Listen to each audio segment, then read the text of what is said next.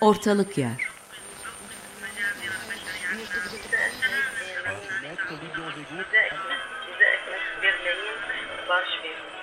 Kuşaklar arası bir telefon hasbı hali.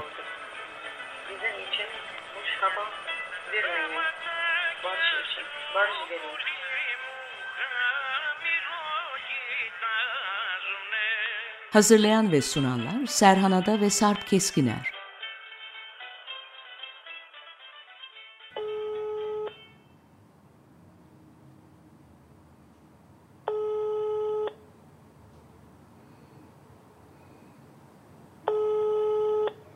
Hocam nasılsınız? Merhaba Sarp, iyiyim ben. Ee, inadına iyiyim. Sen nasılsın, ne var ne yok? İnadına diriyim. O da iyi. Kendime inat. Bazen, bazen benim dışındaki şeylere ve kişilere inat diyelim. Bir inat diye bir şey var değil mi? İnat ile. Evet. Bir de be inat var, o inatsız yani. Evet ama ge- gerekli. Ee, bazen işler kötüye gidiyorsa galiba inat da gerekli. Özellikle kış inat ediyor ve gitmiyorsa e, neyse bu kalan e, Haziran ayında e, mevsimsiz yılların e, uzun e, mevsimleri, 6'şar aylık yaz ve kış. Eskiden öyle sayılmazdı mevsimler biliyorsun. İlkbahar, yaz, sonbahar, kış. İlkokulda ilk onu öğrettiler hepimize ama şimdi yaz ve kış. Hatta Akdeniz iklimini baştan tanımlamak lazım değil mi? Evet evet. Kışları ılık ve kurak, yazları serin ve yağışlı. Taşındınız mı? Vallahi işte hala ortalık yerde her şeyler ya. Benim de başıma gelmişti üstelik Bostanlı'da hatırlıyorum. Bir hafta sürmüştü. Birisi gidiyor bir sandalye getiriyor. Öbürü diyor ki bilmem ne nasılsa yakın filan. Karma karışık. Hay Allah kolay gelsin ya. Dikkat ettim de epey çöp niteliğinde şey biriktirmişiz. Yani hayatta kullanmadığımız, bir zaman alıp bunu kullanırız dediğimiz şeyi bir kenara koymuşuz. Onlar da çöpleşmiş olduğu yerde. Kaç senedir aynı evdeydiniz? 10. Evet, işte.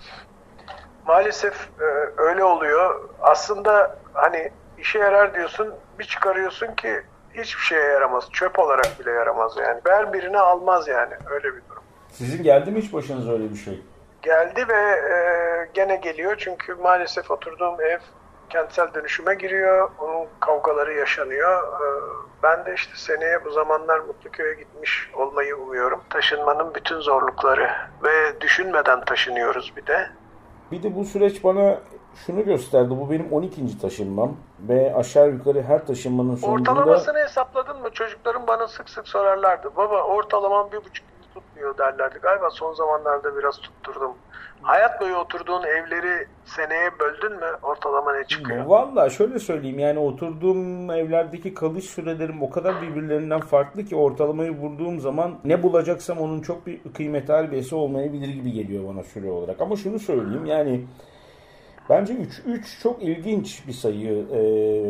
3 yıl bir yerde kaldıktan sonra yani işte ilk bir yıl düzeni tutmakla geçiyor, ikinci yıl düzeni sürdürmekle geçiyor, üçüncü yılda artık o düzenin oturduğu yıl oluyor bulunduğumuz yerde. Mesela İzmir'deki Fazlaca düzen yanlısı olabilir miyiz hepimiz? Önce e bir yerde düzen. bir yerleşiklik arıyoruz. Yani şöyle söyleyeyim mesela yaşadığımız yeri kendi üssümüz haline getirmekle ilgili bir derdimiz olduğunu düşünüyorum. Bizim gibi biriktiricilerin arşiv tutmak zorundayız. İşte e, tuttuğumuz arşive geri dönmek durumundayız. Dolayısıyla buna bir mekan e, tahsis etmek zorundayız. Bir alan açmak zorundayız. Doğru. Biliyorsun hiçbir şeyi ekrandan okumayı alışkanlık edinemediğim için her şeyi basıyorum. Sonra arkasına da başka şeyler basıyorum. Tıpkı Aziz Nesin gibi hani bir yandan kağıt israfını da minimuma indirmek için kenarlarına da günlük notlarımı alıyorum filan. Sırılsıklam dolu oluyor o kağıt ama tüm bunların bazıları da gerekli oluyor. tuttuğunuz orijinal notlar, biriktirdiğiniz dergiler, biriktirdiğiniz plaklar, yaptığınız kolajlar, eee, size hediye edilenler. Şundan şu yan yana durursa bana esim verir, bu da gözümün önünde olsun dedikleriniz. Elime attığım an ulaşmam ah, gerekiyor dediklerimiz. Bütün bunların hepsi böyle küme küme küme öyle bir hacim tutmaya başlıyor ki belli bir noktadan sonra ama işte biz bir bu da biraz jenerasyonla alakalı. Yani biz fiziksel e, veriyi esas alan jenerasyonlar olduğumuz için e, onların hep gözümüzün önünde olmasını arzu ediyoruz. Belki öyle rahat hissediyoruz kendimizi. Çünkü o öyle kurduğumuz için zamanında yani o veriyi tutan materyallerin elimizin altında olması üretkenliğimizi teşvik ettiği için dönüp de bunun pdf'ine bakayım, şunun mp3'üne e, alayım oradan oraya buraya koyayım. Yani dijital olarak o arşivi tutma noktasında ya bir pratiğimiz yok ya bunu kıymetli görmüyoruz ya da buna dair bir arşivleme sistemimiz olmadığı için çok çöp biriktiriyoruz diye bir çıkarımda bulundum taşınırken. Ee, şimdi aklıma neyi getirdin biliyor musun? Ben bazen görüyorum özellikle mesela otobüs veya uçak seyahatlerinde insanlar ekranı açıyorlar. E, marka önemli değil, kitap okuyorlar. Hayranlıkla izliyorum çünkü ona ne sabrım yetiyor, yeter, ne gözüm yeter, ne e, zihnim yeter e, ama okuyorlar. E, tabii yapılacak olan karşılaştırma şu. Aynı kitabı e, benim kuşağımdan birisine verip sonuçta söyleyeceklerini karşılaştırmak ilginç olabilir. Tabii insandan insana değişir ama aynı ortamda büyümüş iki insana belki yaptırmak lazım.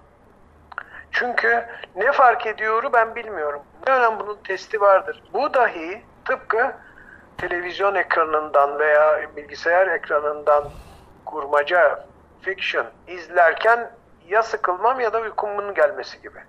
Evet. Oysa so- soğuk da olsa kocaman bir perdenin karşısında cin gibi seyrettiğimi de biliyorum. Bizim öğrenme pratiklerimizin, öğrendiklerimizi içselleştirme pratiklerimizin tamamen fiziksel nesnelerle bağlı olmasından kaynaklandığını düşünüyorum. Yani şimdi plağı elinize alırsınız, işte notlarını okursunuz, iğneyi yerli yerine yerleştirmeye çalışırsınız doğru devri ayarlarsınız. Yani bunların her biri apayrı edimler ve bunu müzik dinlemek için yaparsınız. Üçüncü parçaya da getirirsin iğneyi değil mi? Özel evet, olarak evet. Yani böyle. bunların her biri... Üzerine de indirirsin. Evet her biri fiziksel bir şey gerektirdiği gibi her fiziksel şey de bir mekan gerektiriyor.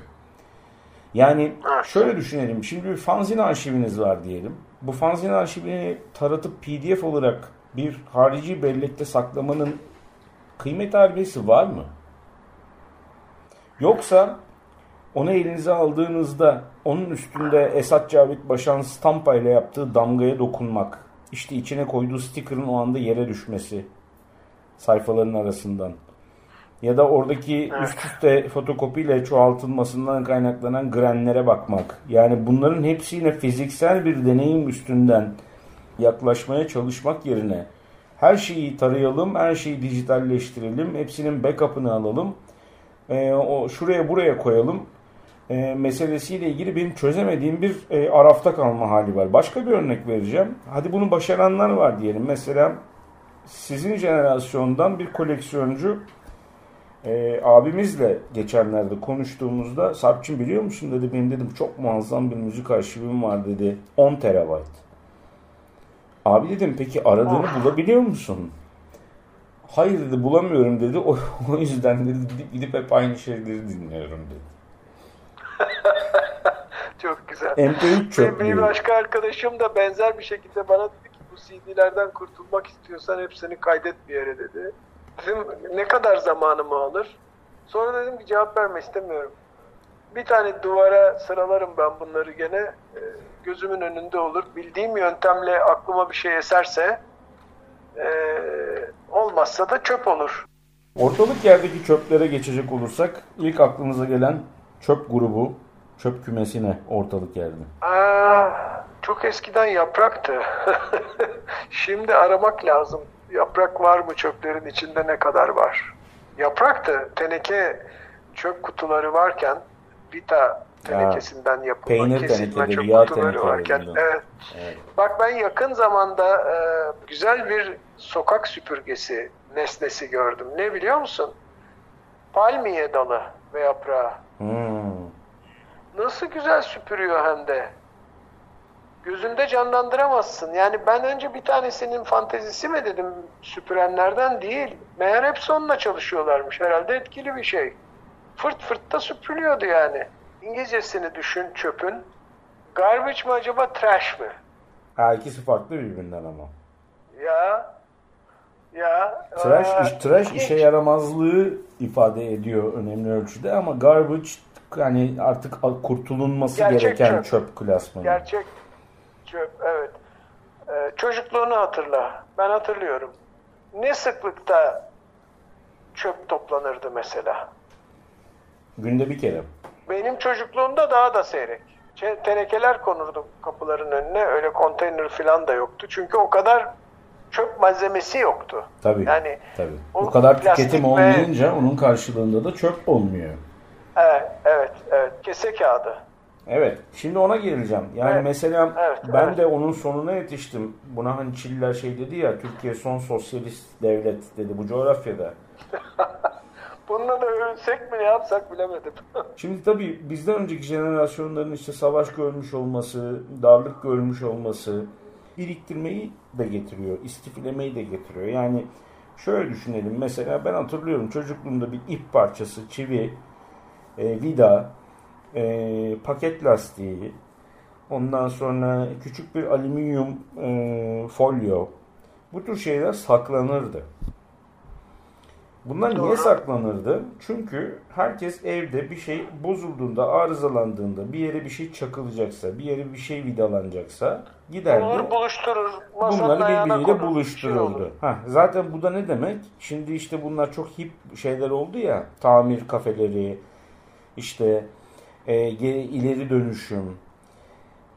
Yani bu kapitalizmin bizi sürekli olarak e, atmaya, yani satın almaya, satın aldığımız şeyi hızlı bir şekilde eskitip hatta genelde de onu işlevsiz kılıp belirli bir süre sonunda onu çöpe göndermeye, atağa göndermeye teşvik etmesine karşın bir tür karşı hareket olarak ortaya çıkan işte tamir edelim, e, yenisini almayalım, yeniden kullanıma sokalım, yeniden işlevlendirelim meselesinin aslında zaten gündelik hayatın bir parçası olduğunu görüyoruz. Ne zamana kadar? İşte liberalleşme e, öncesine kadar, e, liberalleşmeye Çok kadar. net. Çok net. Ben kokulu öğrencisiyken her sene kutlanan bir hafta vardı. Yerli mola haftası. Ve tutum. Ha, zaten şimdi şu var yani yerli. Frugality yani frugality mecbur yani savaştan çıkalı olmuş e, 15-20 sene ancak ve tabii ki başka bir geleneğin içinden de gelindiği için bugün buna sarılmaya çalışıyoruz. Çaresizlikten. Başka Yani eski değil. Bu müfredatın bir parçasıydı frugality, tutum, tabii. tutumlu olmak. Tutumlu olmak, iktisatlı olmak, tutumlu olmak. İşte ne diyor? Lüzumsuzsa söndür diyor. Değil mi? Müzik deyince trash diye bir tür var değil mi? Trash metal. Ha, ya da güzel. trash pop var. Aslında bir karşı duruş. Yani atık sesler, e, seslerin atıklaştırılması. E, Hi-Fi'ye karşı low-fi. E, A- aynen, aynen. Bunlarla ilgili ben küçük bir hatıramı da aktarayım. Ben çok uzun yıllar dinleyicilerimiz de biliyordur. 7 yıl sistem test ettim. Home Teknoloji Dergisi'nin editörüydüm. Davet ediliyordum. Sistem kurulu. Karşısına oturuyordum. İşte şu ahşap tınlıyor, bu camsı tınlıyor. İşte bu transparan e, bir tınıya sahip diye. En son dergi kapanırken e, son köşe yazımda şunu yazdım. Ben aslında çok sıkı bir low-fi'ciyim ve hi-fi'nin hiçbir şeyine inanmıyorum diyerek veda ettim. Eyvah, bu, bu mu çıktı sonunda bu kadar uğraşmadan? Güzel, güzel bence. Kişisel olarak günde 1 ila 1,5 kiloya yakın organik atık e, ve dönüştürülebilir atık üretiyoruz evlerde. Ben bunu bir kere test ettim. 3 ay boyunca atıkları ayrı bir yerde topladım. Organik çöpleri de tartarak çöpe attım. Hakikaten e, ayda 33 ila 35 kiloya yakın dönüştürülebilir materyal çıktı. Kompost olabilir yani. Hayır, tam tersine dönüştürülebilir. Yani geri dönüşüm malzemesi çıktı. O- Okey. 33 Okey. ila 35 kilo gibi. Bir o kadar da organik materyal çıktı. Yani kompostlaştırılabilir materyal çıktı. Yani ürettiğimiz Çöp diyoruz ya bunlar genel olarak çöp deniyor ne kadar yanlış ama öyle deniyor. Bir de ürettik diyoruz aslında üretmiyoruz onu. Peki. Çıkardık, dışkıladık demek lazım dışarı attığımıza göre. Dışkıladık, ortalık yere attık demek lazım. Çöpçü topluyor da nereye gidiyor? Büyük bir tartışma konusu. Evet. Güzel bir tanım oldu. Evet, insanlık dışkılıyor Hayır yani. şunu düşün, şunu düşün bak basit bir şey. Büyük şehirlerde e, özellikle orta sınıf ailelerde veya tek başına yaşayanlarda, öğrencilerde ne kadar çok yemek, kuryeler, motosikletler bilmem neler eliyle geliyor. iki ambalajlı olarak geliyor. Evet. Sadece naylon poşet meselesini düşün. Hani kartonuydu, diğer plastikleriydi, dönüşümlü, dönüşümsüz malzemeleri düşün. Şimdi bir evde diyelim alıyorsun, e, domatesle biberi aynı torbaya koyuyorsun, kabakla patlıcanı da aynı torbaya koyuyorsun, sonra getiriyorsun, pişiriyorsun filan. Ona bazen başka bir şey de koyabiliyorsun. Ama öbüründe sos evde yıkayamazsın. İçine başka bir şey koyamazsın. Ne kadar çok bir harekete sebep oluyor ve ortalık yeri tıkıyor bir anlamda. Tıkıyor ve tabii arttıkça altında kalma tehlikesi var. Doğru. Teşekkür ederiz. Güzel bir programdı. Teşekkür ederiz. Bir sonrakinde görüşmek üzere Sarp. Görüşmek üzere.